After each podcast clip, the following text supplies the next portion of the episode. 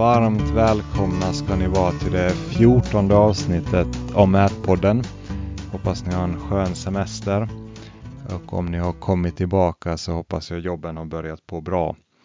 Om man jobbar som mätare så jobbar man i något sammanhang. Företag eller organisation där det mäts. Och då finns det ju väldigt många aspekter, inte bara kring själva mätningen utan hur det är att jobba som mätare. Att det betyder inte bara för att man har många uppdrag att ett företag går bra. Det betyder ju otroligt mycket om det är dålig stämning eller man inte kan komma överens i ett företag, att vilken företagskultur man har. Hur ser man på andra mätföretagens kollegor och konkurrenter i branschen? Hur eh, växer man som företag och eh, behåller sina anställda? Ja, det är lite frågor som vi ska prata om i det här avsnittet och det är Matthew Brun som eh, driver Bruns Konsult som är en företagsutvecklare kan man säga inom lite olika branscher men framförallt i mätbranschen. Så han tänker väldigt mycket på hur man mäter eller hur man jobbar kring och gör bra affärer inom mät. Så, så vem är du Matthew? Vi ställer den frågan och så kör vi. Ja, oj då. Jag, eh, jag är 47 år gammal och började min karriär inom denna branschen som eh, mätningstekniker. Där började jag faktiskt på, på Ramble med att eh, bygga och utveckla och köra deras mätbilar som mäter asfalt. Och därifrån har jag bara studsat vidare inom branschen men det visade sig att jag hade ingen större talang för att vara en mätningstekniker men däremot så tyckte kunderna väldigt mycket om mig så jag jag insåg att min talang låg mer i att skapa relationer. Mm. Blev det liksom i olika yrkesroller där? Eh, det är, eh, det är mer, eh, det har ju mer landat i att hjälpa till att bredda på marknader. Oftast så säger man att vi vill ha in mer uppdrag. Ja, men frågan är ju egentligen inte om man vill ha in mer uppdrag. Frågan är om man vill ha in rätt uppdrag för, för de resurserna man har. Eh, det är ju först då det börjar gå bra för ett företag tycker jag. Ehm, personalen trivs bättre, kunderna är mer nöjda och bara, och bara trycka ut väldigt många mättekniker till väldigt många uppdrag åt alla håll och kanter. Det, blir, det, blir, det fungerar men det blir ju aldrig, eh, man blir ju aldrig bäst i branschen då. Mm.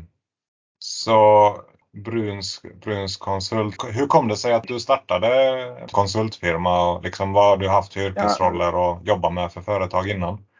Det är företagskonsulterna. Jag, jag gjorde en, eh, en liten vända utomlands som eh, konsult för att eh, koppla ihop lite olika bolag inom teknik och, och så här. Jag har ju en bakgrund som nätverksadministratör inom IT. Egentligen så fungerar alla branscher på samma sätt när det gäller marknadsutveckling och utveckling av bolag. Eh, det är ju egentligen bara tjänsten eller produkten som skiljer.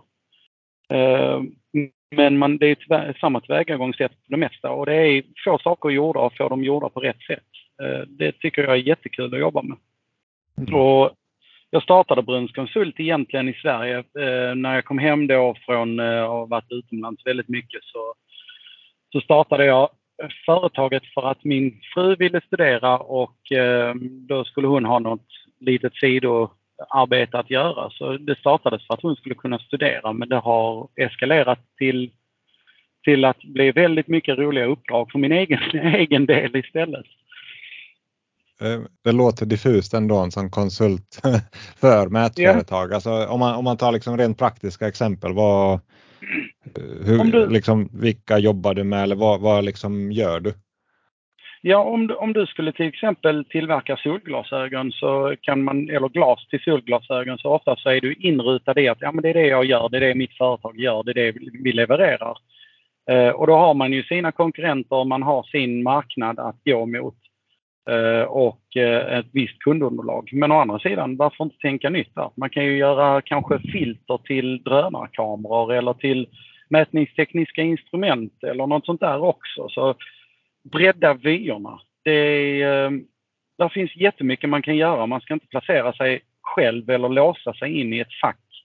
Att ja, men vi är ett mätningstekniskt företag, vi har mätningstekniker. Okej, okay, vad mer kan ni göra? mätningstekniker är ju oftast väldigt duktiga för de följer ju med i hela ledet från projektering till färdigställt, eh, om det nu är ett husbygge eller till eh, färdigställd väg. De ser ju alla delarna, alla momenten. Eh, och de kan ju hjälpa till med väldigt mycket annat. Jag har sett mätningstekniker som har väldigt bra talang för, för eh, både projektledning, arbetsledning, eh, sitta på beställarsidan när det gäller att beställa både underleverantörer och, eh, och varor till, eh, som man behöver till ett projekt. Så mätningsteknikerna är egentligen rätt mycket ett nav i hela byggbranschen. Mm. Och det, man ska inte låsa in sig på det tycker jag. Det är väl den, ehm, man är väl spindeln i nätet på något sätt. Ja. ja. som du säger att man är en kontaktyta mellan många led. Jag bara tänker, är inte det också en utmaning för alltså företag som har mätningstekniker att de kan lätt gå vidare till massa andra grejer och jag bara tänker rent branschmässigt eh, att mm. det tar ju ändå en, en stund att bli en duktig mätningstekniker och sen försvinner de till oh, någon ja. projektledare. Ja, det, det är tyvärr ganska vanligt. Ehm, det är inte lätt att hitta tekniker idag med över 10 års erfarenhet som fortfarande jobbar som mätningstekniker. De går ofta vidare till andra roller. De blir regionchefer och de blir eh, affärsutvecklingschefer och allt möjligt och går över till arbetsledning och projektledning och, och allt möjligt. Så man tappar ju en del kompetens på det sättet men jag tänker mer ur perspektivet som ett mätningstekniskt konsultföretag. Eh, där borde man ju, ty tycker jag, borde man ju se sin, sin möjlighet att bredda sig. Eh, där finns ju bolag idag som har både projektledning och mätningsteknik.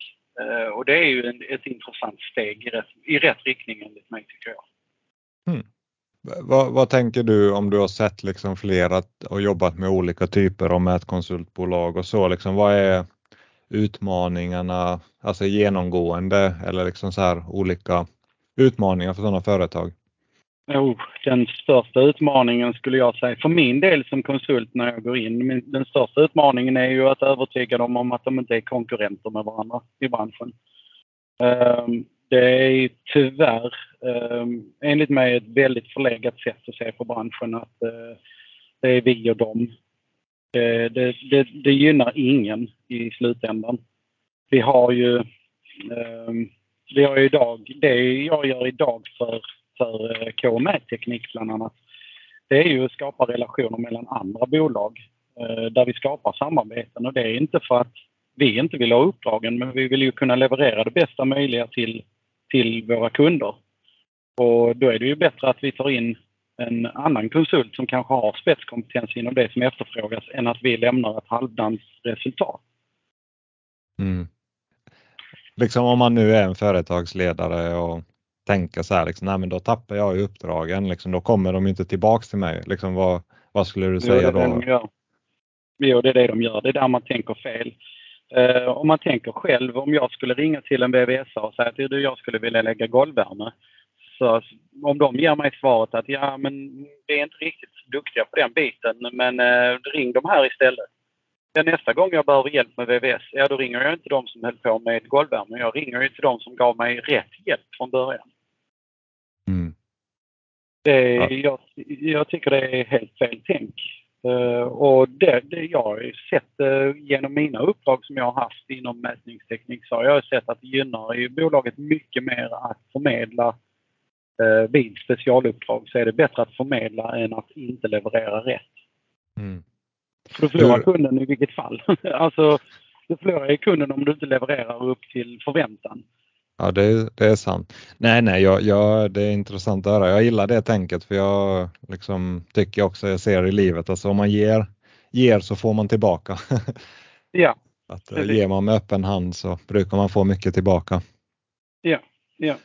Men eh, rent, rent tekniskt, liksom, eh, hur, by, hur bygger man det där nätverket eller tekniskt men liksom som företagande, hur, hur knyter man de kontakterna?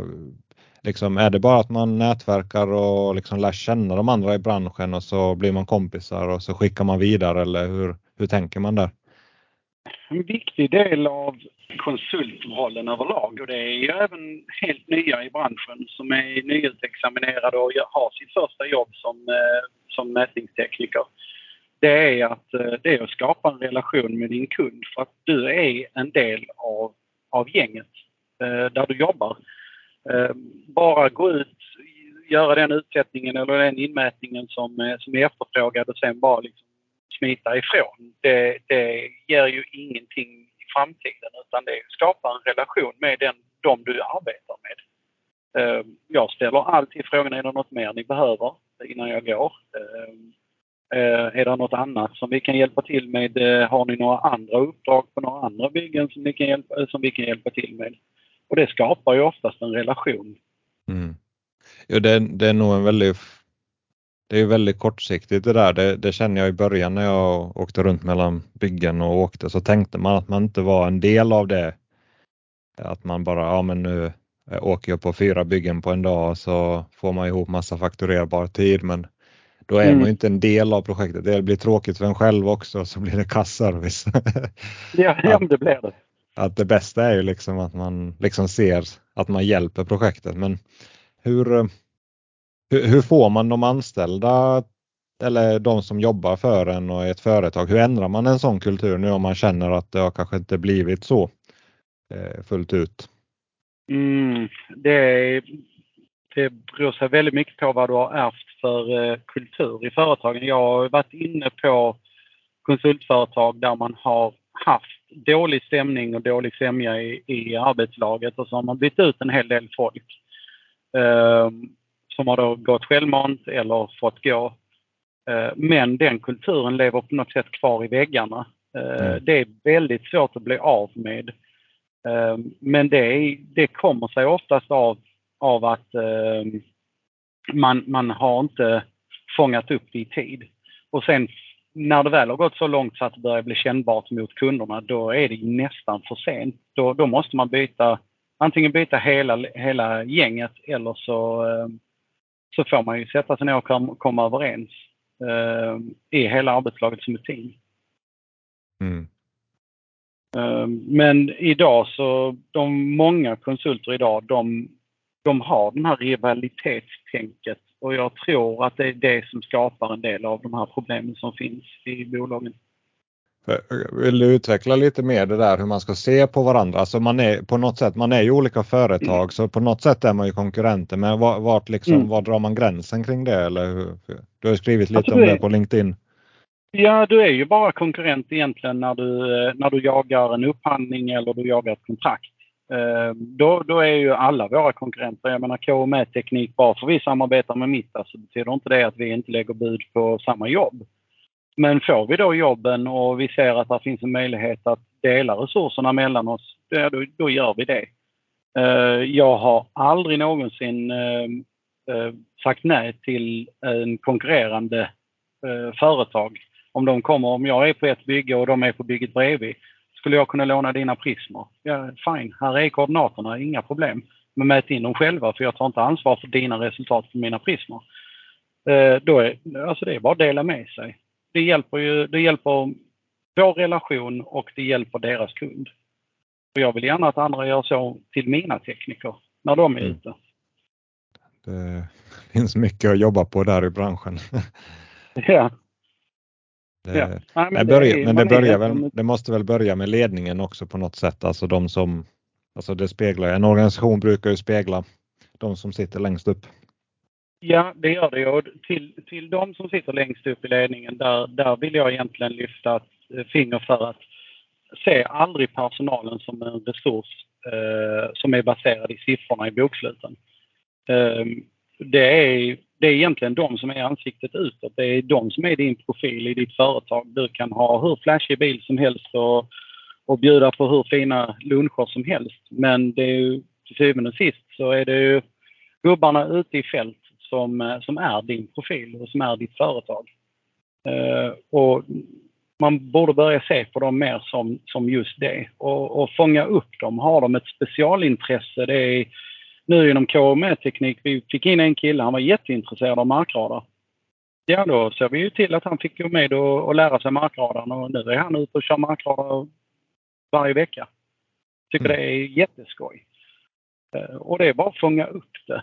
Eh, Det här med att låsa in dem att ja, du måste göra fem år på husbyggen innan du får lov att komma ut och börja jobba på, eh, på entreprenader um, ute på väg eller på järnväg och så här. Det, det är egentligen bara dumt för att eh, folk har olika talanger och olika förmågor och olika, eh, ja, olika personligheter helt enkelt. Och de kanske passar mycket bättre. Jag var totalt värdelös på husbyggen.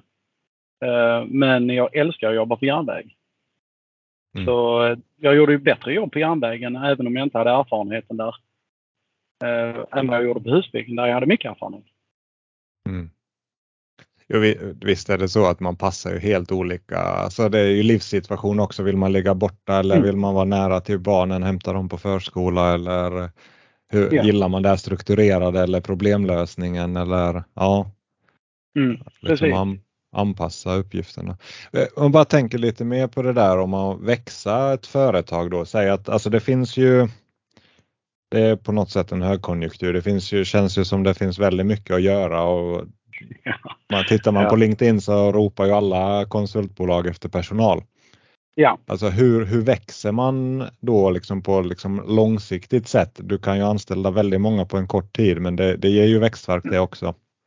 Ja, det, det gör det ju. Ehm, jag kan egentligen dra en parallell där till eh, mitt uppdrag. Jag, jag sitter ju som eh, bland annat som Key Account Manager för uh, KMA Teknik i Stockholm. Eh, och ehm, det första jag märkte med det uppdraget var ju att Kimmo som är VD där, han är ju egentligen inte en VD som man brukar se på en VD utan han är ju mer en, en galen tekniknörd som bestämmer i bolaget. Så, han, eh, så är man intresserad av någonting där, ja då snappar han ju snabbt upp det och, och eh, provar gärna ny teknik och breddar sig gärna på det, de områdena som, eh, som kommer upp där han blir intresserad av det och personalen är intresserade. Så på den korta tiden som jag har varit där nu i, i snart två år, eh, där har vi ju breddat oss rejält med, eh, där vi rekryterade in eh, Rickard Evertsson som är, är 3D-scanning-expert. Och då gick det från att vi hade en skanner till att nu har vi en av varje och testar de olika nya teknikerna, testar eh, eh Matterport-tekniken eh, och hur man kan använda den i byggbranschen på ett bra sätt eh, och göra syn på arbetsplatser via länk genom Matterport. Det är ju klockrent. Eh, så det, det är ju jättekul och, och så här, men man måste vara öppen för, eh, för att prova nya saker. Eh, som konsult kommer du ofta in i ett bolag, ja vi vill växa.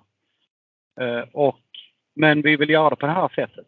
Ja, då, då blir det lite grann att man låser in sig. Det är som om någon skulle be mig att be en konstnär om att måla en tavla men uh, berätta för konstnären vilken teknik de ska använda, vilka färger de ska använda, vilka material de ska använda och, uh, och, och sen förvänta sig att resultatet ska bli no, något helt annat. Liksom. Det, Mm. det, det gör man ju inte utan eh, det, det ja. Mm. Intressant. Jag tänker, jag har sett på K mätteknik nu, jag följer ju dem på LinkedIn så. Det ser ut som eh, ni har dubblat, eh, åtminstone dubblat eh, headcounten eh, på, Oh ja. rätt så, eh, på kort tid. Liksom hur, vad finns det för nyckeltankar eller lärdomar tycker du? Man, liksom, hur, hur fasar man in ny personal på ett bra sätt och liksom, att de kommer in i kulturen och alltså att, att, man, att man inte lämnas lite vind för våg? Ja, det, det är lite hönan eller ägget. Eh, vissa företag tar ju in konsulter och sen eh, jagar uppdragen. Eh, för mig skapar det lite grann en stress. Eh, det, det skapar en stress för ledningen. Eh, inte den högsta ledningen men, eh, men mellancheferna får ju en stress på sig att nu har vi ju fem nya konsulter, de måste ut i arbete. Nu får ni jobba på. Eh, istället för att ehm, på andra hållet finns det ju de företagen som går in och hittar uppdragen och sen jagar personalen. Men där är ju problemet att får du in uppdraget, har du rätt personal på väg in? Det vet man ju inte. Så ehm, det, det är väldigt svår balansgång där. Där är det ju mer att man får köra på magkänslan och dag för dag. Ehm, vi tog, vi tog in en kille nere i Skåne först när vi fick reda på att vi skulle jobba mycket med ett område som han var intresserad av. Ehm, och han jobbar i hela landet och det är då med markradarn. Eh, där, kunde vi ju, där var vi tvungna att tacka nej till rätt mycket uppdrag innan vi fick, fick eh, honom ombord. Men nu när han är ombord och är igång så, så tackar vi inte nej till några uppdrag. Och skulle då någon annan kontakta oss eller någon annan i bolaget vilja testa på till exempel drönarflygning eller 3D-skanning, ja då får de gärna göra det och då kan man ju hitta eh, nyare konsulter i branschen som behöver lära sig grunderna att gå in och ta över deras roller som de har haft sedan tidigare. Man kan flytta personalen eh, till olika intressen, om, intresseområden de har och de nya får ju lära upp sig på deras gamla roller istället. Mm. Där, där var det på en annan tråd som kommer på eller kommer att tänka på när du säger att man lära sig någon annans roll. Alltså, vad, liksom hur, vad finns det för tank, vad har du för tankar kring kunskapsöverföring inom ett företag? Alltså hur gör man det på ett strukturerat sätt? Liksom? Alltså, mm.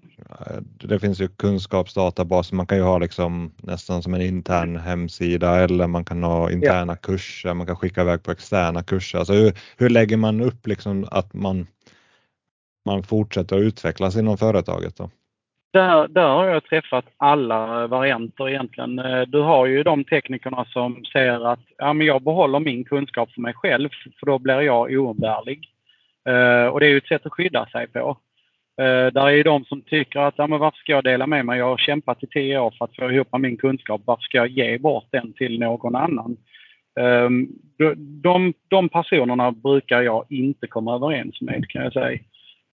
Um, på KO så uh, där, där är det ju nästan, eh, där är det nästan självklart. Eh, folk skickar länkar till varandra. Oh, kolla vad jag hittar. Jag hittar en ny funktion här i min handenhet. Eller, alltså, och man delar med sig väldigt osjälviskt i, i bolaget. Men jag tror där är det, det har mycket med personligheten att göra bland de som är anställda också. Det har inte bara med ledningen att göra. De kan ju inte få skulden för allt, tycker jag inte. nej. Nej. ja, nej, det är sant. Men de väljer de anställda. Eh, men, eh, alltså, men vi säger, det funkar ju kan, alltså på ett bra, i och för sig, det kan ju funka på ett större bolag på ett sätt också, men när du kommer över en viss gräns så måste du ändå ha någon form av process tänker jag, alltså någon, någon form av struktur att inte ja. liksom, du vet skicka länkar, det är ju jättebra, men alltså bara tänka sig har du någon tanke kring det, liksom hur man får en junior att utvecklas mot, alltså om man vill gå hela eller ta, ta någon från, som går från klass 2 till klass 1 eller något liknande eller ta upp någon till ja. Trafikverks klass 2 till exempel. Att hur gör man det på ett liksom systematiskt sätt eller har du någon liksom på, på tips? Ett sätt för? Som fungerar, på ett sätt som fungerar har jag, har jag märkt att där, där eh, där bokar vi ju upp. Har du en tre, fyra tekniker som är intresserade av ett visst område eller man märker att de brister kanske i, eh, i ritningshantering. Då, då bokar jag upp den teknikern som vi har som är duktig på det. Bokar vi upp att ja, nu får du hålla en liten kurs i det här och så får de ringa till dig när de behöver hjälp och stöd ute i fält. Och då, då blir de ju eh, egentligen lärare åt varandra i bolaget och det fungerar jättebra. Eh, man får ju bara se till att belastningen då inte blir för stor för de som ska lära ut eh, till de som är lite nyare i branschen eller de som vill utveckla sin kunskap. Så där, där får man ju, man får faktiskt ta lite grann eh, interntid på sådana saker för att det ska bli bra av det. Mm. Hur, hur, tycker du det går liksom med belastning? Alltså vad, vad är en rimlig belastningsgrad eller hur vet man liksom att där, eh, mm, rimlig belastningsgrad. Eh, är du på ett fast projekt där du är måndag till fredag så är, ehm, då är belastningsgraden, då ligger den ju helt och hållet på eh, din regionchef eller kundansvarig och kunden. Oftast så tycker ju kunden att saker ska gå väldigt snabbt och med väldigt lite resurser. Men de kan antingen få det på rätt sätt eller så kan de få det snabbt. Det är det, det, är det de har att välja mellan. Eh, men eh, är du en tekniker som har lite olika projekt, då skulle jag säga att 80 över det skulle du helst inte ha eh, som fakturerbar beläggning i schemat. För du har ju ditt instrumentvård, du måste ta hand om din bil, du måste ta hand om filerna, allting ska tankas upp till en server. Ja, det är ju ordning och reda på dina grejer. Det tar tid och det måste få lov att ta tid. Mm. Att schemalägga en ambulerande tekniker på 100% schema, det är nästan tortyr för, för teknikerna i, i det långa loppet. Och då kommer ja. du bli av med din personal. Mm. Det, det, blir ju bristen där också att kvaliteten börjar lida. Alltså det, ja. det, det, är väl det som är lite fascinerande med mätningsteknik att man kan ju ta många genvägar men det är liksom sannolikheten bara ökar för att det blir fel. Alltså det blir inte ja. som om du gör en sned form och gjuter så blir ju betongen sned. Eller alltså jag ja. vet inte, alltså, men alltså när du mäter så kan du ju det, ja. ja det kan bli rätt fast du gör det fort. Ja, ja, jag har själv varit med om en eh, tekniker som vi hade ringde till mig och, och grät för att eh, projektet i sig hade jagat på så hårt. Och då hade det blivit jättefel. Det blev 3 cm fel allting. Och det var för att teknikern skulle sätta ut för, eh, för håltagning. Och de började borra, när de hade satt ut en, eh, ett hål där det skulle vara, så började de borra direkt. Mm. Innan teknikern hann göra sin, eh, sin eh, efterkontroll. Och då, då blev det fel. Ja, då fick ju teknikern ansvar för det felet och det, det ansåg jag ju inte att teknikern var ansvarig för. För teknikern hann ju inte göra sitt jobb på rätt sätt. Och sådana projekt, de går jag hellre ifrån. Då, då lämnar jag hellre de projekten. För då, de måste ju på något sätt lära sig också att, att respektera eh, den mätningstekniska rollen i branschen också och vikten av den.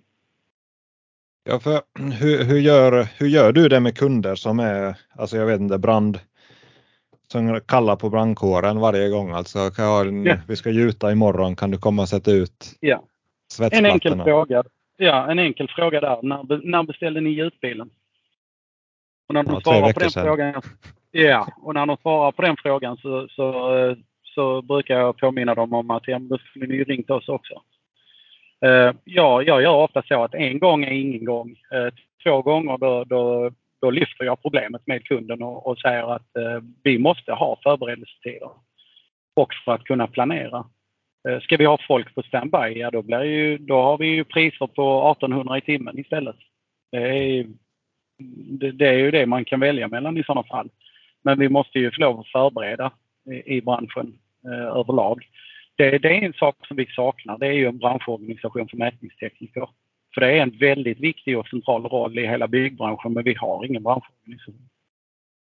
Nej, visst är det att man, man tittar på Träguiden och betongindustrin. Och ja, alltså det, snickare alltså, och målare. Ja exakt, det finns branschorganisationer för mätteknikerna lever ju sitt egna utspridda liv som någon, liksom nästan som osynliga varelser på byggarbetsplatser. Ja, Ja, precis. Det är, det är, vi som springer runt med den magiska staven på byggarbetsplatserna. Liksom.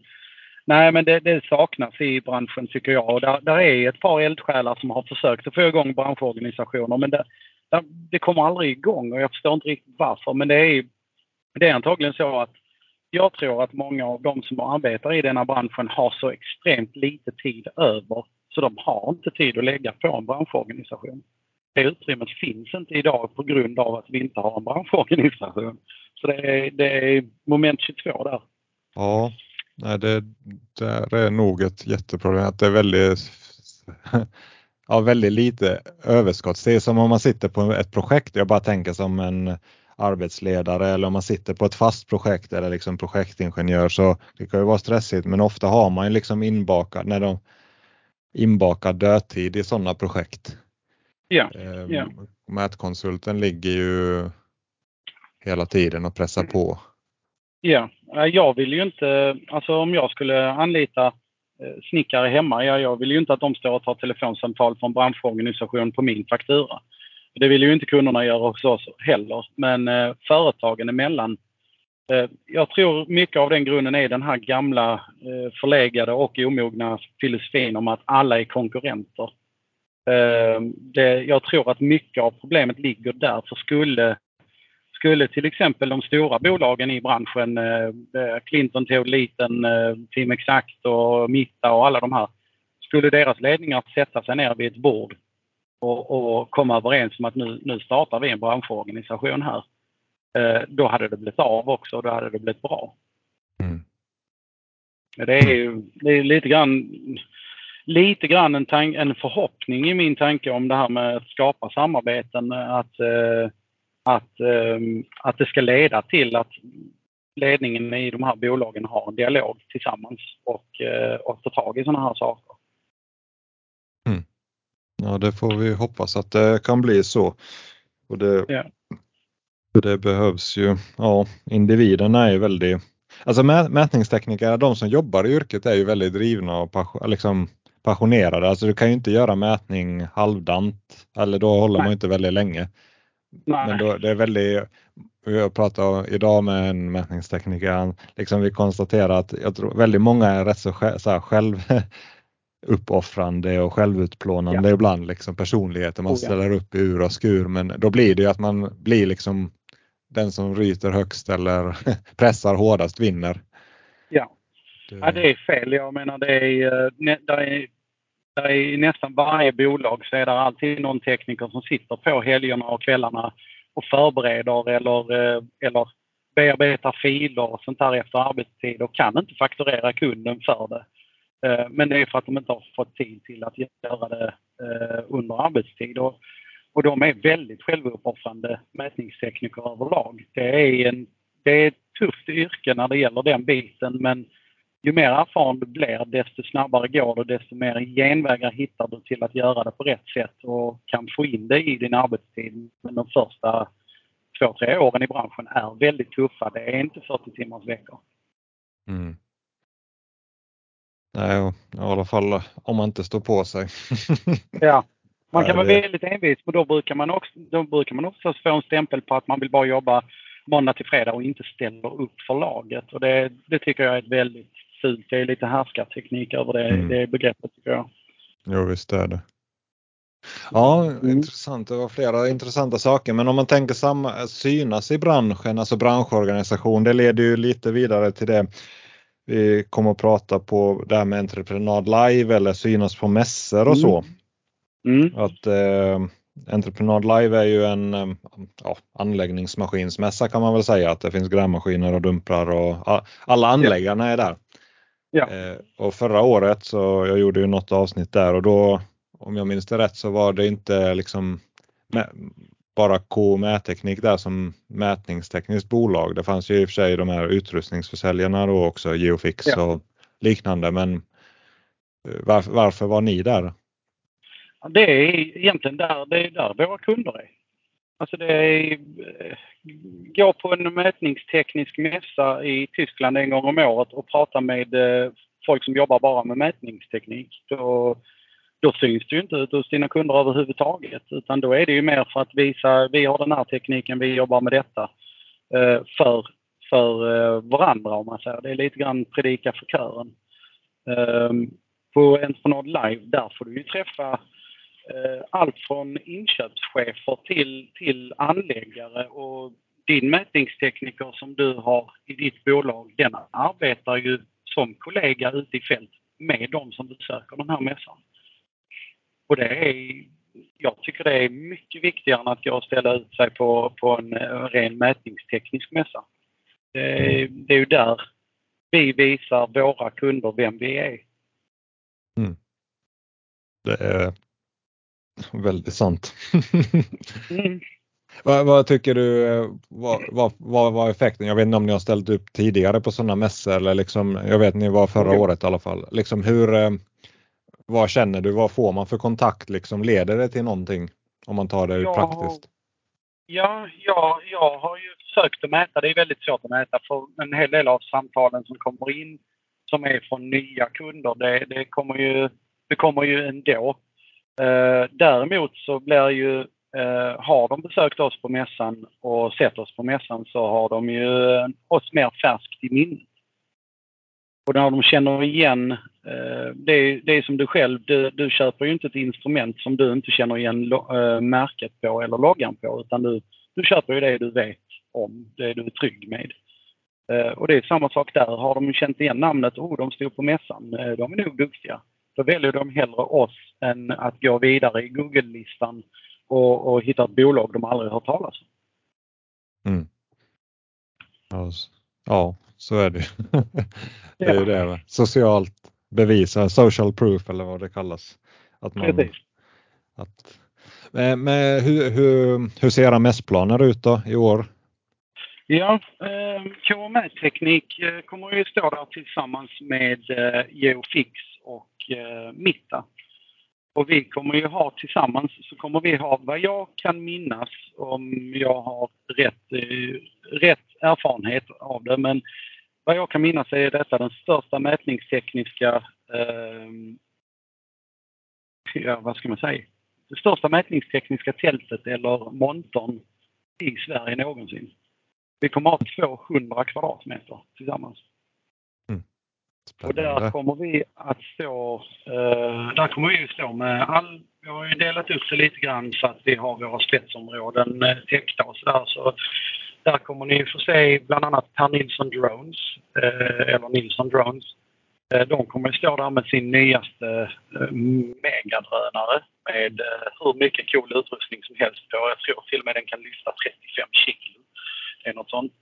Eh, han kommer ju stå där med eh, KME-teknik eh, för på sin del. Och sen kommer ju Mitta kommer stå där med en borrigg och, och vi kommer ha markradarn kommer vara på plats. Och alla andra drönare som finns, de vanliga dussindrönarna från DJI kommer vara där. Och vi kommer ha totalstationer och, och GPS och allt möjligt, kabelsökare, ja you name it. Allting som har med vårt yrke att göra kommer finnas i, i det här tältet.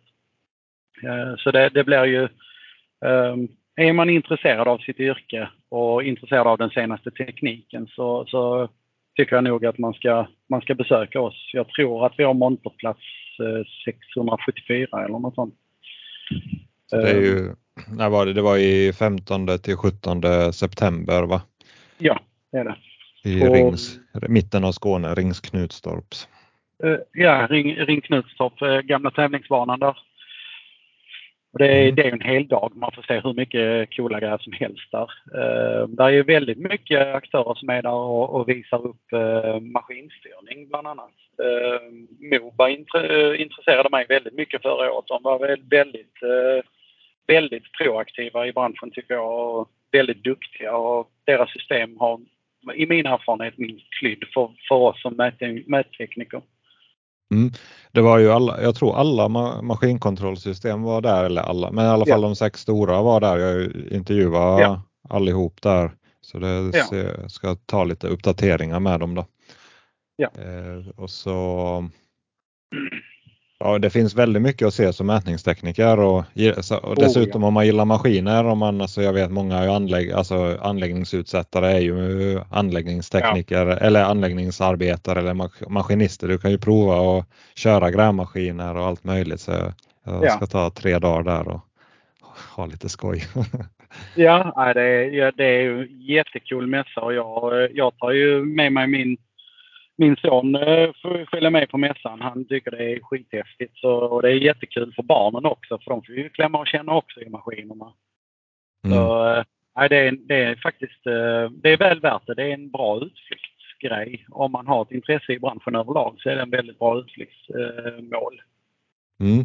Ja, men spännande, det ser vi fram emot.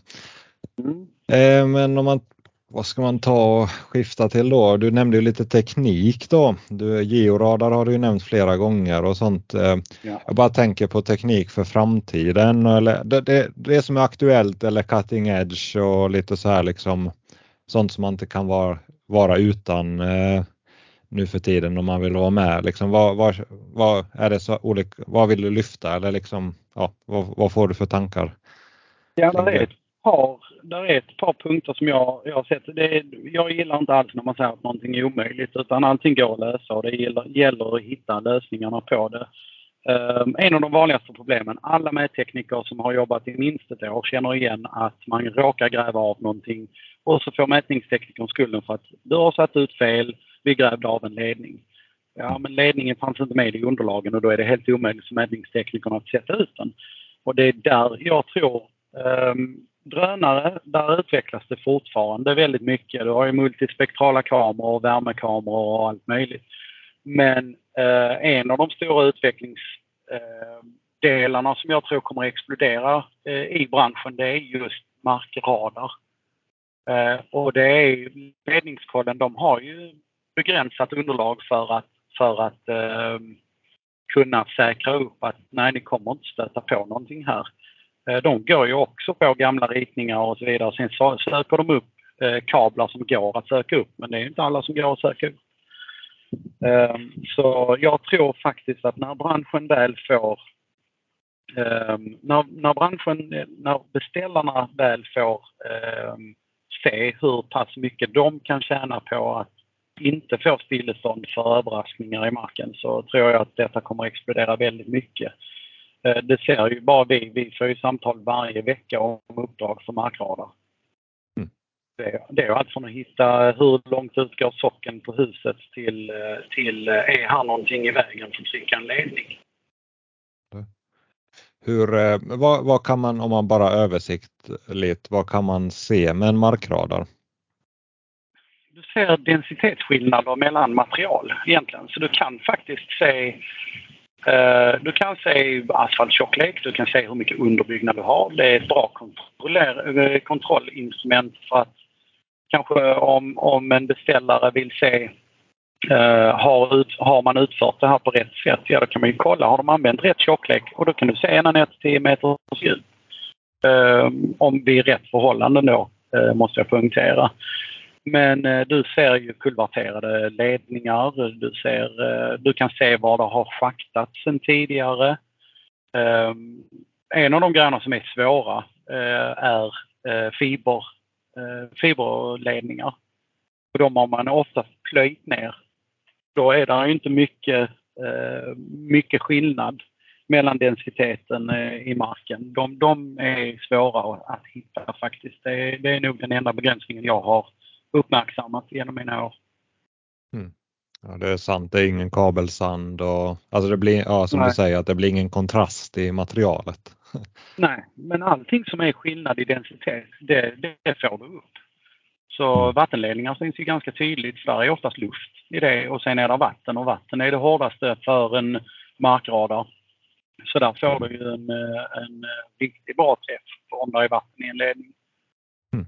Eh, det... Ja, jag tycker det är väldigt fascinerande. Jag, förra året på Entrepreneur Live då testade jag ju Geofix hade en sån. Alltså det är väldigt fascinerande just att kunna se bara materialtjocklek och att man ja. kör över en eh, Ja man såg liksom att här, här går en schakt väldigt tydligt och lite elledningar och Ja det var väl eh, Blinken Tools som hade en. Ja det var, ja, det, det var inte Geofix, det var Blinken ja. Ja, det ja, var väldigt... ja de, de hade ju GSSI så det är ju också en sån som sak som egenkonsult så har det ju, det, alla de här äh, aktörerna har ju på något sätt har jag ju lyckats jobba tillsammans med en del av dessa. Så eh, när det gäller GSSI som tillverkar den här markradarn som är eh, som jag anser själv är den som är mest allround i branschen eh, just idag. Eh, för vårt yrkesområde måste jag poängtera också.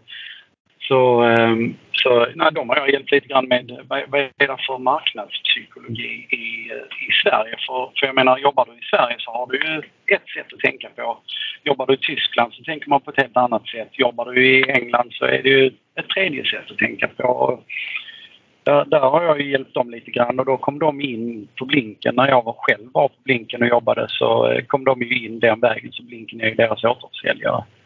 Och, ehm, och det är just för att jag tror på den tekniken så hårt eh, som, som en del i vår framtid. Mm. Och bara, liksom bara för att lyfta liksom det. Jag vet jag fick någon fråga på något bygge. Kan, finns det något sätt att se armering på? Alltså, ja. så här, då sa jag bara nej. Men eh, det har jag ju lärt mig. Oh, jag har en sån mindre eh, markradar ja. som inte går så djupt men däremot så kan du se du liksom mer i detalj till exempel ett betongbjälklag vart spännarmeringen går och armering. Jag har 40 centimeter in och jag har eh, själv precis använt den i min, eget, eh, min egen villa eh, mm. för att hitta vattenledningar för jag fick en vattenläcka. Mm. Och då kunde jag hitta allting. Det var armering, det var där, där kunde jag se vattenledningar, jag kunde se radiatorrören, jag kunde se elkopplingarna i väggen, jag kunde i golvet så kunde jag se exakt var, var äh, äh, golvvärmen låg. Och det är jätteviktigt. Ska du palla upp en vägg och behöver borra i golvet, ja, då måste du ju veta att du inte träffar golvvärmen. Det är, det är ju, det är ju klassisk sån eh, när, när de ska sätta syllarna, snickarna, att de är nervösa. Ja. Och det är, eh, det, de är jätteanvändbara. Den tekniken den kommer att krypa in i vår bransch. Eh, jag tror det kommer gå väldigt fort när det väl, när det väl tar fart så kommer det gå väldigt fort. Då ska helt plötsligt alla bolag ha varsin markradar och varsin sån här liten eh, XT Mini, de heter, handmarkradar kan man kalla det. Ja, de är inte fruktansvärt dyra. Alltså som en, alltså Mini var 40-50 tusen och den, den lite större var typ, jag vet inte, 150. Alltså som en dyr, en, en Leica GPS eller någon ja, ja. dyrare GPS. Ja. ja, det är inte, det, det, är inga jättepengar i förhållande till vad du kan, vad du kan hjälpa din kund med. Nej. Så det, det är en teknik som jag, den, det tror jag är nästa stora grej som drönarna blev Eh, det tror jag är just den, den tekniken. Och den, den kommer ju fler och fler av våra tekniker behöva gå över till att i alla fall känna till och eh, sen kunna använda dem. Och sen måste jag ju säga att det är ingen lätt match att göra eh, kartor av en markradar. Eller från en markradar. Det är väldigt mycket databearbetning och där ligger ju de efter lite grann för att den tekniken kommer ju främst ifrån geologer och eh, från eh, arkeologi. Och där har de inte haft det här behovet av att göra, eh, de har inte den här tidsfristen som vi har. Eh, modellen måste vara klar i slutet på veckan. Ja, det är i princip omöjligt att göra en eh, 50 gånger 50 meters ruta och få klart modellen på en vecka. Det går inte. Så eh, där, där måste mjukvarorna bli lite bättre. Intressant. Om man då tittar lite vidare i branschen, annan teknik också, alltså för där du nämnde Sensiv när vi pratade. Ja. Om man då kommer in lite på och hur det hänger ihop med, vad ska man säga, regelverket och hur det funkar ja. i Sverige med ny teknik inom mätbranschen. Liksom. Ja, då kommer vi in på Trafikverket och om det är någon från Trafikverket som lyssnar så får jag väl be om ursäkt i förväg. Ehm, för eh, just Sensiv-systemet, den är ehm, den var ju först framtagen för att kunna se skevningar på, på uh, järnvägsspår på räl. Uh, och uh, vi provade inom KMA-teknik. Jag bad ju Kim och sådär. Du har en ny teknik, ska vi titta på den? Vill du, vill du bara beskriva hur den, vad det är för någonting? Den, det är självmonitorerande system om man ska säga det väldigt enkelt. Ehm, du sätter upp, eh, du sätter upp lite dioder, eh, lite, lite boxar eller lite pluppar. De har olika former på dem. Ehm, och då har du accelerometrar och inklinometrar som känner av i förhållande till varandra känner de av eh, rörelser. Ehm, och den anmärkningen som jag stött på främst från Trafikverket var ju att ja, men vi får, ingen, vi får ingen, inget Z-värde ur det. Ja, men du kan ju mäta där du har satt din plupp och då har du ett Z-värde att utgå ifrån och sen ser du ju rörelsen utifrån den. Eh, och sen är det ju så att om du till exempel en spontvägg, om du ska mäta om den rör sig, om sponten rör sig, då den rör ju sig aldrig bara i sidled utan att överhuvudtaget röra sig i, i Z-led. Blir det en rörelse, ja då går du ut och kontrollerar det som mät, mättekniker på plats fysiskt. Men är det ingen rörelse är det helt onödigt att skicka resurser en gång om dagen eller en gång i veckan för att gå och mäta någonting som inte rör sig. Så, så det blir liksom den här kontinuerliga monitoreringen, alltså ja. att, att den liksom säger själv, alltså mer automatiserat, nu händer det någonting. Ja, nu händer det någonting och då kan man ju gå ut och, och, och, och titta vad är det som har hänt, hur mycket det har rört sig åt olika håll. Du får i sig all denna datan från det systemet men vill man kan man då följa eh, mängdförteckningar och, och, och T-dockar och allt möjligt från Trafikverkets regler så, så, måste man ju göra manuella kontroller. För problemet eh, för sådana system idag, skulle jag säga i Sverige, det är ju att eh, Trafikverket har ju det problemet internt. Det är ju att de som skriver de här regelverken och eh, skriver sen upphandlingarna, underlagen och mängdförteckningarna de har ju inte riktigt koll på den senaste tekniken och det kan de egentligen inte ha heller. Men de borde vara mer öppna för att testa ny teknik. Nu är ju sensivsystemet ute på, på test för Trafikverket och, och visar väldigt lovande resultat men det tar ju väldigt lång tid innan det börjar skrivas in i underlagen så att entreprenörerna får lov att eh, ta in den tekniken. Och det är ju en enorm besparing både i resurser och i skattemedel att, att eh, ha ett sådant system skulle jag säga. Mm.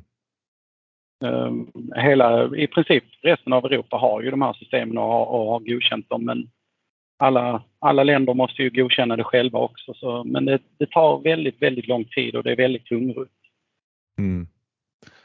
Hur, vad tänker du för övrigt där om alltså Trafikverket och liksom regelverket som stöttar eller HMK som är liksom Lantmäteriet mm. som är tanken som ska stötta liksom branschen? Att ja. det, det känns det, tungrot. Du, du, har ju också erfarenhet ifrån den här branschen och Trafikverket och, och, eh, och HMT de, de är oftast det svarta fåret när man sitter över frukosten och beklagar sig. Eh, men de fyll, jag tycker de fyller en väldigt viktig roll i branschen för de skapar ju en säkerhet för, för ehm, utförarna egentligen och en trygghet för oss. Eh, reglerna är oftast väldigt krångliga och invecklade och jag har varit på projekt där det är fem kopplade T-dockar i rad på MFN och, och liksom hålla reda på allt det här är ju väldigt rörigt i början men jag skulle säga att de fyller ett väldigt bra syfte och känner man då att ja, men den här regeln är väldigt onödig, jag kan ju faktiskt mäta det här på ett annat sätt och ändå få samma eh, kvalitet på, på, resultatet. Då skulle jag faktiskt föreslå att man sätter sig ner med Trafikverksrepresentanten och frågar dem rakt ut varför, varför är denna regeln satt på detta viset eh, och ber dem att förklara det. Och de svaren man får där, eh, även om det verkar till en början som en väldigt absurd regel så, eh, så får man faktiskt förståelse för varför den, den är skriven på det sättet. Det är ju säkerhet och trygghet. Jag menar, jag skulle inte vilja sitta på ett tåg där, eh, där man har kollat så att rälen är, är, är rak och fin med en GPS. För det hade skakat något fruktansvärt. Nej, jag, jag, jag, jag också, alltså när man börjar förstå hur systemet är uppbyggt så jag har lärt mig uppskatta det. Det är ett väldigt bra system mm. på det sättet att det är skrivet allting som gäller. Alltså du, du hittar mm. din, det ja, om man nu tar en in, ett inmätningsprojekt som jag oftast då varit inblandad i, då finns det ju en UB, en uppdragsbeskrivning och så definierar mm. det lite leveranser så hänvisar den till en E311 bilaga där det definieras mätleveranser generellt och så hänvisar till ja. T-dockar och T-dockarna hänvisar till eh, Sissen ja. och Sissen hänvisar till HMK. Eh, att, att det är ju väldigt bra för du kan faktiskt läsa dig till hur man faktiskt ska göra allting. Oh, ja. nack, nackdelen är ju dock att som mätare i produktion så blir det ju det är väldigt bökigt, alltså det är svårföljt. Ja. Ja, det och, och, och det här motivet, alltså det fattar man ju när man väl pratar med olika mätspecialister och så men att man skulle nästan haft som AMA-motiv eller liknande att man förstår mm. aha, varför ska markmodellen ha 20 mm noggrannhet? Ja. Jo men det är ju för att asfaltskubbarna ja. klämmer ja, får de 10 mm till på en kvadratkilometer så är det hur mycket skattepengar som helst. ja, ja precis. Att, Nej, men det, det är ju så. Men just att lära, kunna lära sig det systemet på ett lite mer lättvindigt mm. sätt. Alltså sitter man dag in och dag ut och det är väl så i AMA också med Svensk Byggtjänst och liknande, då är det inga problem. Mm. Men att, att som fält, fältpersonal som faktiskt gör jobbet som faktiskt måste förhålla sig till sakerna, då kan det vara lite jobbigt. Ja, precis. Jag, jag tror att det finns många klass 2 och klass 1 som inte kan det regelverket även om det är det man ska kunna. Så oh, ja. Man ja, har aldrig öppnat en T-dock. Eller aldrig ja, men det, fel men... det är i princip ingen som kan det fullt ut. Jag, jag råkade ut för ett par år sedan för en... Eh, det var, det var Trafikverket var irriterade för att vi inte förstod eh, dokumentationen. Eh, vår tekniker var väldigt frustrerad för att han begrep inte eh, hur han skulle gå tillväga. Eh, han skulle sy ihop två olika nät. Ett, ett eh, ett nät från Trafikverket och ett bruksnät från en kommun skulle han sy ihop till ett nät. Och det, det stod väldigt luddigt. Eh, I mängdförteckningen så hänvisade man till en T-dock som hänvisade till nästa T-dock. Och när vi kom till den femte T-docken så hänvisade den tillbaks till MFN. Eh, så det var inget svar i dokumentationen och då, då fick vi kalla till möte och prata med Trafikverket och det blev ju ett gapskratt i, i slutändan för att alla hade suttit och blivit frustrerade på varandra i över en veckas tid när, när vi insåg att det var, det var en brist i eh, dokumentationen som ingen hade sett. Så, eh, men eh, där, där, är, eh, där är mycket att göra. Jag håller med dig helt där att eh, Trafikverket kunde ju ha en, en eh, även om det bara, bara är online, en beskrivning på varför vissa av de här reglerna, speciellt de reglerna och de, de utförande regelverk de har, varför de är satta på just det sättet. Det är samma sak, jag får alltid frågan om varför man ska låta GPS-erna stå i 40 minuter till en timme för att, för att uh, göra uh, för att, för att uh, göra en nätutjämning. Mm.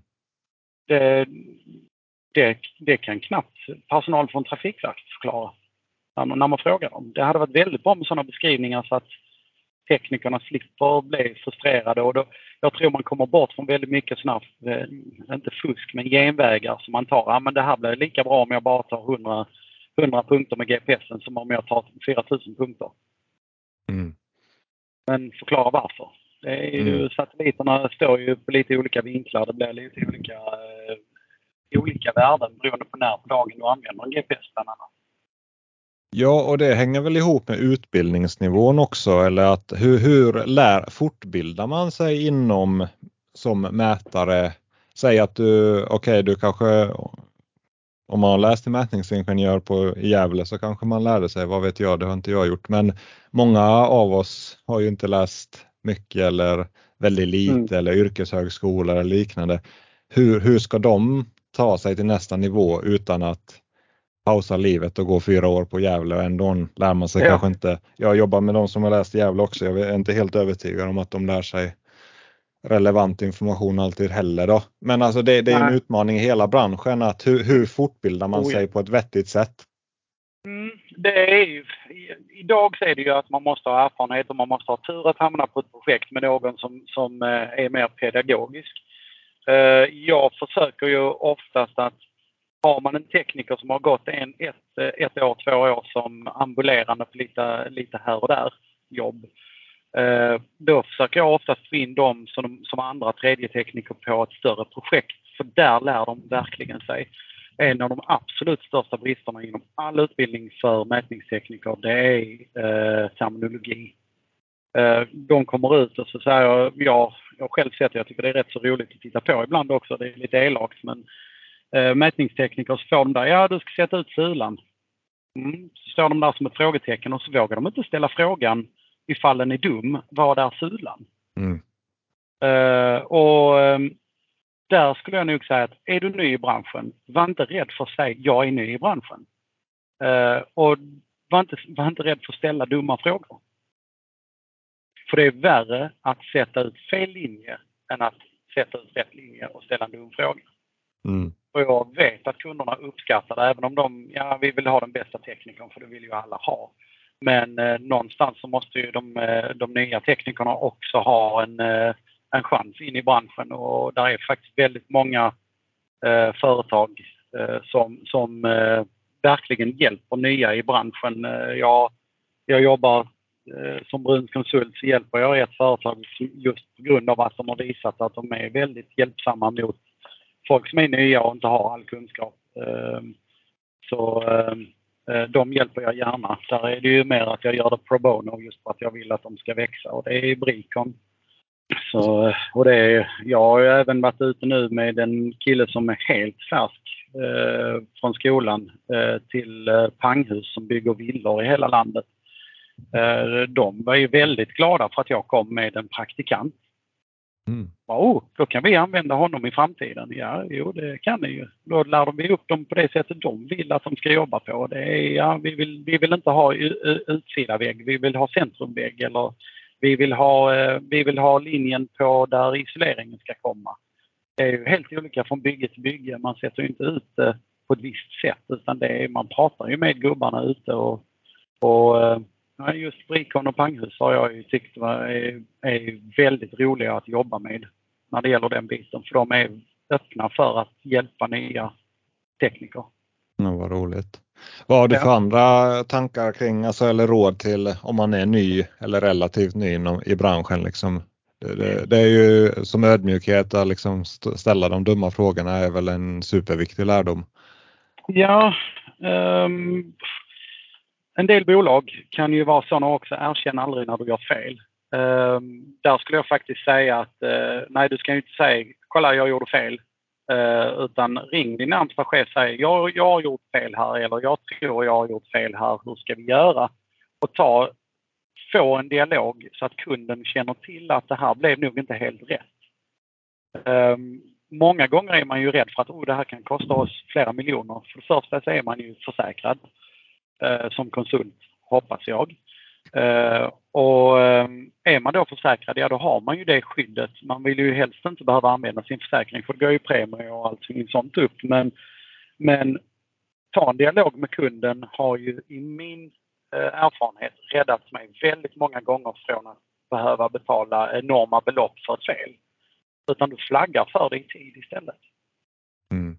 Kunden uppskattar det, de ringer till dig nästa gång. Även om du har gjort fel på det ena bygget så ringer de dig till nästa bygge för de jag tror de uppskattar både ärligheten och öppenheten. Ja, fel. Det, om man är mogen kund ja. eller mogen människa så förstår man alla gör fel. Det handlar ju om hur man hanterar felen. Ja, ja exakt. Visst är det så. så ni, ni i branschen, var, var inte rädd för att ta tid på dig att göra rätt. Um, har du en chef på dig som jagar dig om, om minsta minut hit och dit och, och så här, då hade jag ju nästan flaggat för, känner du att du inte kan göra det på rätt sätt utan att det blir för stressigt, då hade jag ju flaggat för att eh, jag hinner inte med att göra detta på rätt sätt.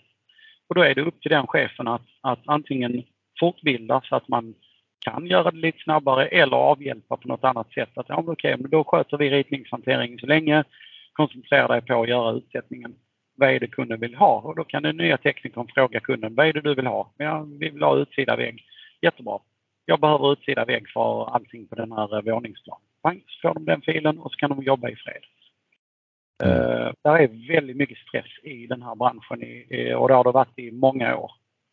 Uh, men det går att minska om man bara gör det på rätt sätt. Men att jaga en kronor hit och dit, då, då stressar du bara din personal och då får du personalflykt till slut. Hmm, vi har täckt många intressanta saker här. Men om man tänker, okej, okay, så här liksom nu, den där Matthew verkar ju en trevlig prick och jag gillar hur han tänker. Alltså känner man att jag är ett mätkonsultbolag eller som liksom, ja vi vill växa eller vi vill bli större eller vad, vad man nu, liksom, hur, hur gör man för att kontakta dig eller vad kan du hjälpa till med mer i detalj eller vilka, vilka vill du kontakta dig? Ja, eh, det är en väldigt stor fråga. Det är ingenting som jag egentligen går och tänker på dag för dag men jag arbetar egentligen inte bara inom den mätningstekniska branschen. Jag har... Eh, för, att, för att ge en bättre bild av det så jag, som Brunt konsult så jobbar jag till, till exempel med eh, eh en av världens mest eh, framstående surfingbrädstillverkare som har egen framdrift. Eh, och där, eh, där hjälper jag dem med industrialisering och eh, samarbetsutveckling mellan olika samarbetspartners. Och mätningstekniska branschen den tangerar väldigt många andra branscher. Jag kom att tänka på för ett tag sedan om att vi behöver skydda våra servrar för att vi har ju en skyldighet som mätningstekniskt bolag i KO att skydda vår data. Då måste vi ha en backup. Ja, då har vi en backup på kontoret. Eh, och, eh, och sen så ligger servrarna också på kontoret. Ja men brinner huset ner, vad händer då? Eh, och då hamnade jag helt plötsligt i, i, eh, i famnen på ett bolag som heter Firetech of Sweden som har eh, produkter som, som eh, släcker bränder med aerosol. Som inte alls skadar elektronik på något sätt och farligt för miljön eller någonting. Eh, och där landade jag en roll som CCO så där hjälper jag dem med kommersialiseringen av sina produkter. Eh, och eh, det är också en sån grej som byggbranschen kan vara intresserad av. För där jag, de flesta byggbodar jag har varit i har inte några sprinklersystem utan de har ett brandlarm. Och sen står en brandsläckare som är oftast pulver och den förstör ju våra instrument och allting. Hade man satt upp de här eh, puckarna som de har där, då, då släcker det branden utan att eh, förstöra någonting. Så de började jag jobba med där eh, och bara halka in på ett bananskal där. Eh, ja, jag hjälper ju inom byggbranschen, så, eller mätningstekniska branschen, så, eh, så eh, jobbar jag ju med eh, utveckla en mjukvara för AI Map eh, som identifierar skillnader i bilder. Då kan du kartlägga med georeferering asfaltskador. Du kan kartlägga Eh, invasiva växter. Det är där eh, Proof of Concept gjordes på invasiva växter och fick en enorm träffsäkerhet. Så nu, är det, nu går ju det bolaget eh, väldigt bra. Har fått ett väldigt stort intresse i hela världen. Men vill du växa, vill du se eh, kanske ett annat perspektiv på det du gör idag. Jag kan jobba med det mesta egentligen för alla branscher är egentligen väldigt lik varandra. Ehm, det är egentligen bara själva din produkt och din tjänst som skiljer sig åt. Men tillvägagångssättet är ju densamma i alla branscher. Intressant. Jag, har, eh, jag halkade in på ett annat bananskal här också. Det var eh, ett företag som heter MPS Sanit eh, Sanitetssystem. Och det är ett helt pro bono-företag som utvecklar 3D-printade avloppssystem för tredje världen och drabbade, om, krigsdrabbade områden eller områden i kris för att få ner kolera. Så mm. oftast så får jag mina uppdrag genom, genom att jag har ett uppdrag som ska leta reda på en lösning på någonting och sen så visar det sig att jag kan även hjälpa det andra bolaget. Så knyter man ihop de bolagen med varandra. Och så kan de gå iväg och göra lite business och, och jag får ett bredare nätverk. Mm. Ja, det måste låta som ett roligt jobb du har. ja, det är det. det är okay. väldigt, väldigt kul. Ja. Men du nämnde du gör en hel del saker pro bono nämnde du där och sen ser jag på LinkedIn att eh, det känns som att välgörenhet och, eller samhällsnytta och så här, det ligger dig varmt om hjärtat. Är det något? Ja. Um, alla kan vi göra någonting tycker jag. Eh, jag gillar inte när de går och skakar bössor på, på, eh, på gatan och, och, och tigger pengar till någonting väldigt diffust väldigt långt bort. Så jag har ju valt själv eh, som Brunt konsult att en en betydande del av vårt överskott kommer ju gå till någonting som heter Svenska insamlingsstiftelsen. Eh, för de har ett projekt som heter Saving Life. Eh, och eh, den går till att fånga upp innovatörer och produkter som inte har lyckats i, brand, eh, i, i världen på något sätt. Eh, de har inte kommit ut, de har inte lyckats sälja. Och tittar man på innovatörer överlag så är det oftast ett stort problem de har det är att de kan inte sälja sig själv eller sin produkt och att de slutar aldrig utveckla sin produkt och skyddar den som sin bebis. Och, ehm, Saving Life går ju då in och hjälper dem styra dem rätt så att de kan, deras produkt kan komma ut och vara till gagn för mänskligheten eller för miljön. Och det, det, tycker jag är jätteviktigt. Så Saving Life, där i Svenska insamlingsstiftelsen, de, eh, de tycker jag är väldigt eh, intressanta faktiskt. Roligt. Är det något annat du tänker på eller vart, var hittar man dig online om man vill kontakta Vi... dig eller följa dig eller så? Ja, jag har, eh, Bruns Konsult har ju en profil på eh, LinkedIn och jag har själv en profil på LinkedIn. Men annars har vi vår hemsida brunskonsult.se. Den säger ju inte mycket, men där är ju också ett kontaktformulär som man kan fylla i så kan jag ju ringa upp er. Men eh, nej, det är ju LinkedIn egentligen. Det är ju ett jättebra nätverk. Mm. Eh, tycker jag. Mm. En mm. sak som vi har missat att prata om faktiskt, det som har med ny teknik att göra. Uh, och det är uh, Navis-systemet. Har du sett dem? Uh, nej, eller en gång till Navis-system. Ja, Navis. ja, de det är den där en, skannen som man bär va? På... Ja. Men berätta. Ja. Ja, eh, min första tanke där är jag, jag hjälper ju, ehm, jag har hjälpt i många år nu så har jag hjälpt eh, Topcon eh, främst med Sokia-märket. Eh, just på grund av ergonomin som mättekniker och, och så här, jag, jag bär hellre omkring på ett mycket lättare instrument som är lika bra som ett dyrare instrument än att bära omkring på en tung grej bara för att den har rätt logga på sig. Men genom dem så en av mina gamla kollegor där eh, gick över till eh, Navis och jag tittade på systemet och tänkte att det här var ju en väldigt otymplig grej. Man ska klä på sig en grej och då, den här stora eh, skannern och, och så ska man gå runt och så slår man i eh, huvudet i både låga ledningar i gamla hus och man slår i huvudet i, i dörröppningar och så vidare. Men sen testade jag systemet och det, det var eh, det var fantastiskt. Alltså enorm precision, väldigt lättarbetat eh, data man får ut från det. Eh, och väldigt smidigt när man väl kom igång. Det bara ser väldigt otympligt ut. Eh, och de kommer faktiskt, eh, jag har faktiskt fått dem att boka sig så de kommer också till Entreprenad Live. Och där kommer man få lov att testa utrustningen. Mm. Kul! Mm. Ja, det, det, de ska vi se om vi kan prata lite mer med också. Mm. Kul! Ja men så ergonomi är också, det vet jag du har pratat om eh, förra året när du visade den här Sokishans eh, GPS. Den är väldigt, ja. väldigt smidig, väger ju knappt någonting. Alltså den, man måste hålla i den för att känna, känna ja. hur lätt den är.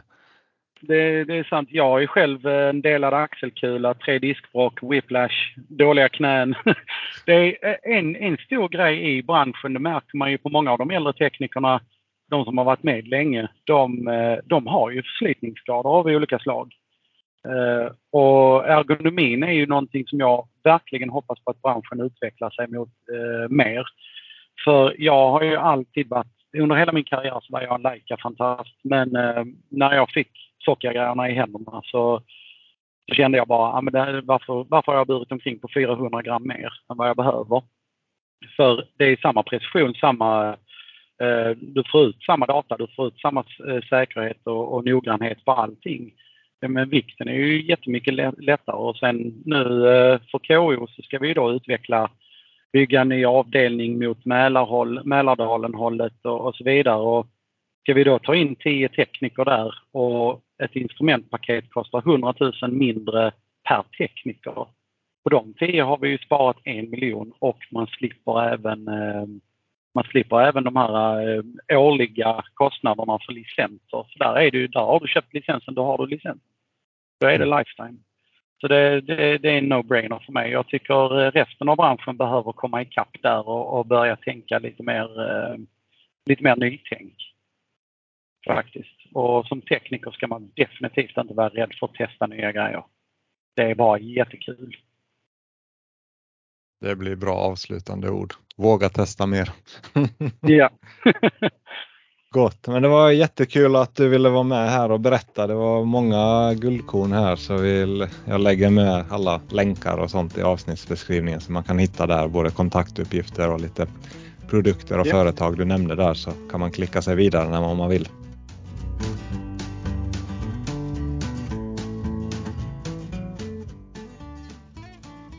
Jag har tänkt på det här att vad man tar med sig av avsnitt.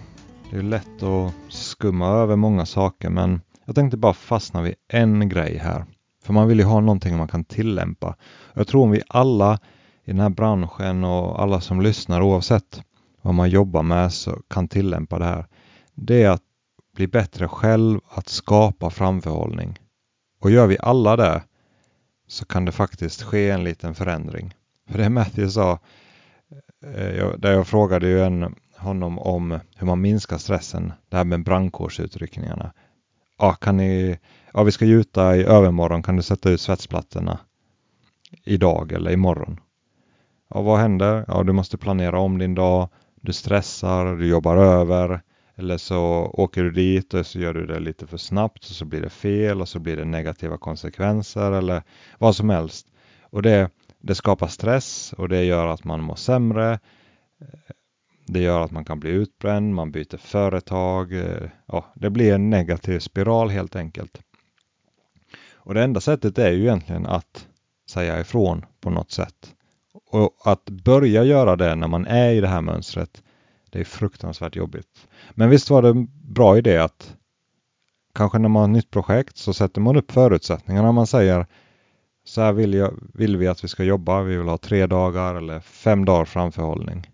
Och så säger de, nej men vi kan inte planera vårt jobb. Jo, men det måste ni. När, när bokar ni en pumpbil? När bokar ni betongen? När bokar ni lyftkranen?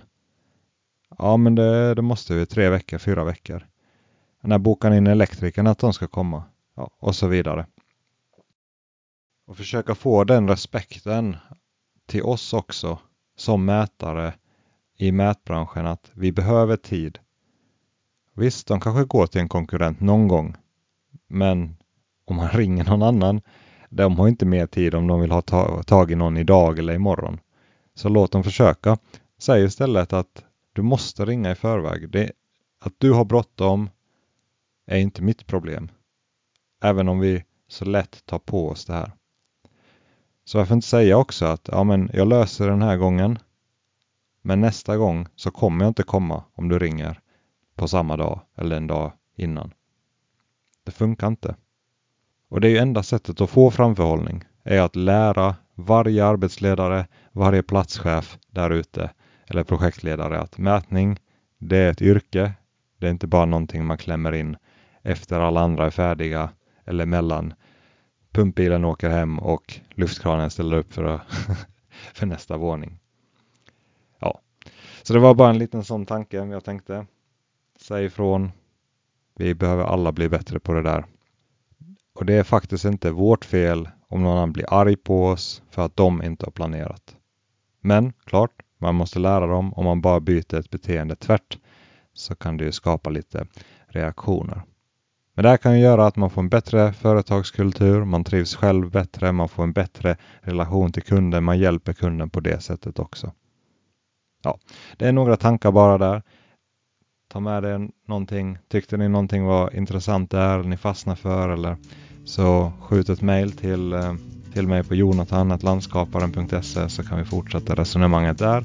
Eller på LinkedIn finns där Jonathan Villunen och finns på Youtube på Landskaparen. Så kika in de resurserna också. Tack för att ni tog er tid att lyssna.